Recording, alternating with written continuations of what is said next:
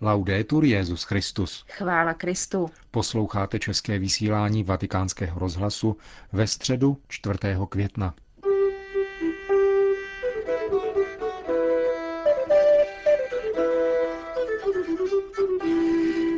Dnešní generální audienci, která se konala za účasti asi 50 tisíc lidí na náměstí svatého Petra, zahájil Benedikt XVI. nový cyklus katechezí, který bude věnován modlitbě. Cari fratelli e sorelle, Drazí bratři a sestry, quest'oggi vorrei iniziare una nuova serie di catechesi dnes bych chtěl zahájit novou řadu katechezí. Po cyklu, který byl věnován církevním otcům, velkým teologům středověku a významným ženským postavám, chtěl bych nyní vybrat téma, které velice leží na srdci nám všem. Je to téma modlitby, zejména té křesťanské, modlitby, kterou nás učil Ježíš a nadále učí církev. V Ježíši je totiž člověk uschopněn přistoupit k Bohu v hloubi a důvěrnosti vztahů otcovství a dětství. Spolu s prvními učedníky se proto v pokorné důvěře obraťme k mistrovi a prosme jej, pane, nauč nás modlit se. V příštích katechezích se za pomoci písma svatého, velké tradice církevních otců, mistrů spirituality a liturgie budeme učit prožívat intenzivněji náš vztah s pánem ve škole modlitby. Dobře totiž víme, že modlitba není něco samozřejmého.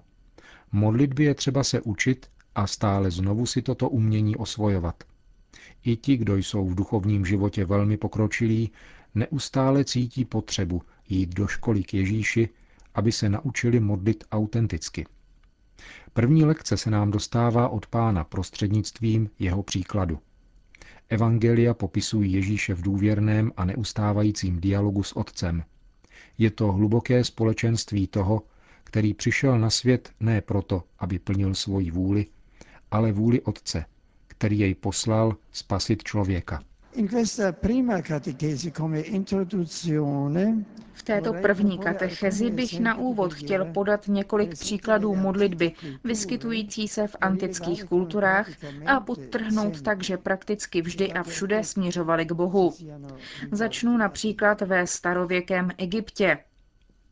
Tady jeden slepec, žádající božstvo, aby mu vrátilo zrak, dosvědčuje něco všeobecně lidského, to znamená čirou a jednoduchou prosebnou modlitbu toho, kdo se ocitl v soužení. Tento člověk se modlí. Mé srdce si přeje tě vidět. Ty, který si mi dal vidět temnoty, učiň pro mne světlo, ať tě spatřím. Skloň ke mně svou milou tvář. Jádrem této modlitby je prozba ať tě spatřím. V náboženstvích Mezopotámie převládal tajemný a paralyzující pocit viny, který však nepostrádal naději na vykoupení a vysvobození Bohem. Můžeme se tak zamyslet nad prozbou jedné osoby, věřící v ony starověké kulty, která zní takto. O Bože, který jsi slitovný, i v té nejtěžší vině, odpusť mi hřích. Pohleď, pane, na tvého souženého sluhu a dechni na něho. Odpusť mu neprodleně, ulehči jeho přísný trest. Učiň, ať jsem vysvobozen z pout a začnu opět dýchat. Rozbij moje okovy, rozvaž moje pouta. Tato vyjádření dokazují, jak člověk hledající Boha tušil, byť nejasně, jednak svoji vinu a jednak očekával milosrdenství a božskou dobrotu. V rámci pohanského náboženství starověkého Řecka dochází k velmi významné evoluci. Modlitby sice nadále žádají božskou pomoc za účelem dosažení nebeské přízně v nejrůznějších situacích každodenního života a získání materiálních dober, ale postupně začínají vznikat i méně zjištné modlitby, které umožňují věřícímu člověku prohlubovat jeho vztah k Bohu a stávat se tak lepším. Například velký filozof Platón podává modlitbu svého učitele Sokrata, právem považovaného za jednoho ze zakladatelů západního myšlení. Sokrates se modlil takto. Učiňte, abych byl krásný uvnitř, abych považoval za bohatého toho, kdo je moudrý, a měl jenom tolik peněz, kolik jich může vzít a nosit mudrc. Nic jiného nežádám. Především uvnitř chtěl být krásným a moudrým, a nikoli bohatý penězi. V mistrovských dílech literatury všech dob, jakými jsou řecké tragédie, které jsou dodnes po 25 stoletích čteny, rozjímány a inscenovány, se vyskytují modlitby, které vyjadřují touhu poznat Boha a klanět se jeho vznešenosti. Jedna z nich praví, oporo země, která na zemi sídlíš, kdokoliv jsi, stěží pochopitelný, ty, die, ať už si zákonem přírody či myslí člověka, obracím se k tobě, poněvadž ty spravuješ lidské záležitosti tichými cestami a spravedlivě. Bůh zůstává trochu mlhavým, ale člověk tohoto neznámého Boha přesto poznává a modlí se k tomu, který spravuje pozemské cesty. Také u Římanů, kteří vybudovali obrovské impérium, v němž se zrodilo křesťanství a široce se ve svých počátcích ujalo, obsahuje modlitba, byť byla chápána utilitaristicky a zásadně vázána k prozbě o božskou záštitu nad životem občanské společnosti, někdy také obdivuhodné invokace vřelé osobní zbožnosti, které se přetvářejí na chválu a díku vzdání. Dosvědčuje to jeden autor z římské Afriky druhého století po Kristu, Apuleius. Ve svých spisech projevuje nespokojenost současníků s tradičním náboženstvím a jejich touhu po autentickém vztahu k Bohu. V jeho mistrovském díle nazvaném Metamorfózy se věřící obrací k ženskému božstvu těmito slovy. Ty jsi svatá, ty jsi navždycky zachránkyní lidského rodu. Ty ve své velkodušnosti vždycky pomáháš smrtelníkům a nabízíš souženým ubožákům něžný cit matky. Nepřejde ani den, ani noc, ani jediný jakkoliv krátký okamžik, aniž by si jej naplnila svojí dobrotou. V téže době císař Marcus Aurelius, jenž byl také filozofem hluboce přemýšlejícím o lidství, poukazuje na nezbytnost modlitby při nastolení plodné spolupráce mezi božským působením a lidskou činností. Ve svých hovorech k sobě píše – kdo ti řekl, že nám bohové nepomohou i v tom, co závisí na nás? Začni se proto modlit a uvidíš. Tato rada císaře filozofa byla nespočetnými generacemi lidí před Kristem skutečně uplatňována, což je důkazem toho, že bez modlitby, která otevírá naši existenci k tajemství Boha, ztrácí lidský život smysl i oporu. V každé modlitbě se totiž vždycky vyjadřuje pravda o lidském tvoru, který na jedné straně zakouší slabost a nemohoucnost a proto žádá o pomoc z nebe, a na druhé straně je obdařen mimořádnou důstojností, protože přípravou na přijetí božského zjevení objevuje svoji schopnost vstoupit do společenství s Bohem. Cari amici, in questo esempio di delle diverse epoche e civiltà, Drazí přátelé, v těchto příkladech modlitby různých dob a civilizací vystupuje vědomí, že lidská bytost má statut stvořenosti a odvislosti od jiného, který jej přesahuje a je zdrojem veškerého dobra. Člověk všech dob se modlí, protože se nemůže neptat po smyslu svojí existence, která by byla temnou a bezútěšnou, kdyby nebyla vstažena k tajemství Boha a jeho plánu se světem. Lidský život je směsice dobra a zla, nezasloužené bolesti a radosti i krásy. A bezděčně a neodolatelně nás nutí prosit Boha o vnitřní světlo a sílu, jež nás podporují na zemi a otevírají nám naději přesahující hranice smrti.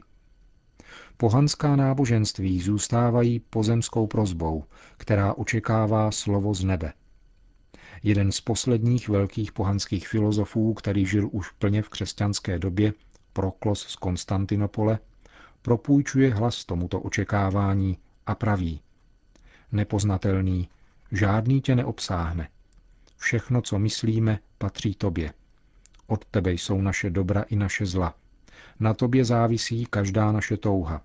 O nevýslovný, jehož přítomnost cítí naše duše a pozvedají k tobě hymnus mlčení. V příkladech modlitby různých kultur, o nich jsme uvažovali, můžeme spatřovat svědectví náboženské dimenze a touhy po Bohu, které jsou vepsány do srdce každého člověka a dostává se jim naplnění a plného vyjádření ve starém a novém zákoně.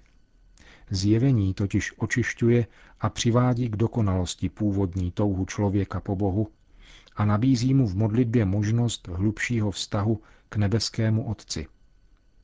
Na začátku této naší cesty ve škole modlitby chceme tedy prosit Pána, aby osvítil naši mysl a naše srdce, aby byl vztah k němu v modlitbě stále více intenzivní, citelný a stálý. Prosme jej ještě jednou, pane, nauč nás modlit se.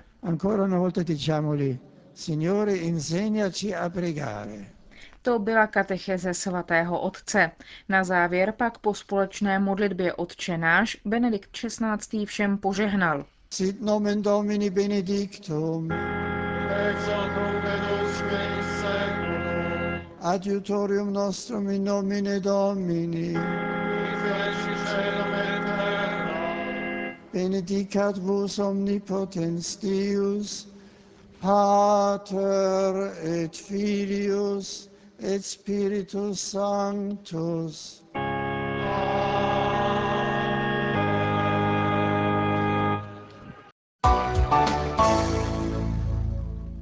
Další zprávy. Vatikán. Na počátku náboženské svobody stojí západní kultura, hluboce zakořeněná v křesťanství. Benedikt XVI. to vyzdvihl v poselství k účastníkům 17. plenárního zasedání Papežské akademie sociálních věd, které včera skončilo ve Vatikánu. Jeho tématem byla náboženská svoboda v dnešním světě.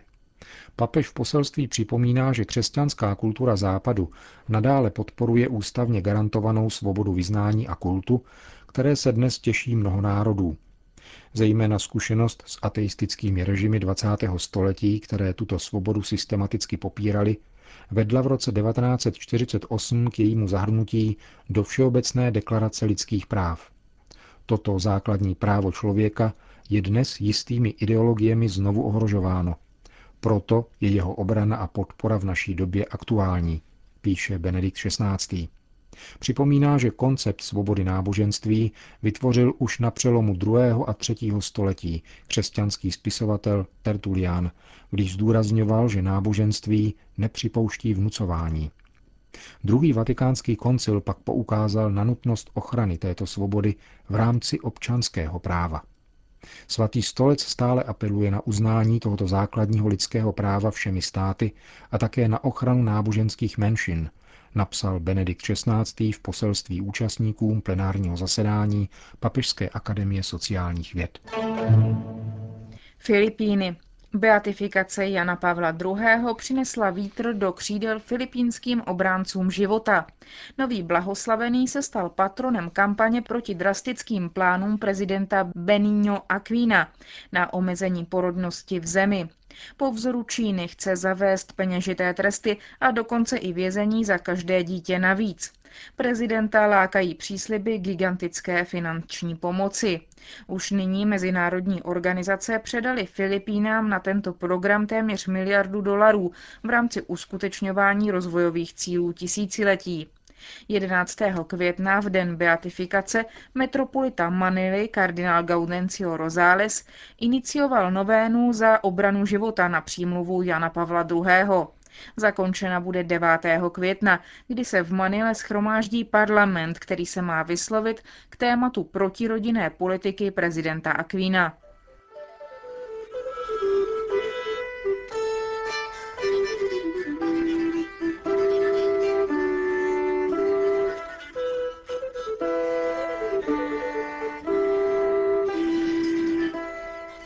Končíme české vysílání vatikánského rozhlasu. Chvála Kristu. Laudetur Jezus Christus.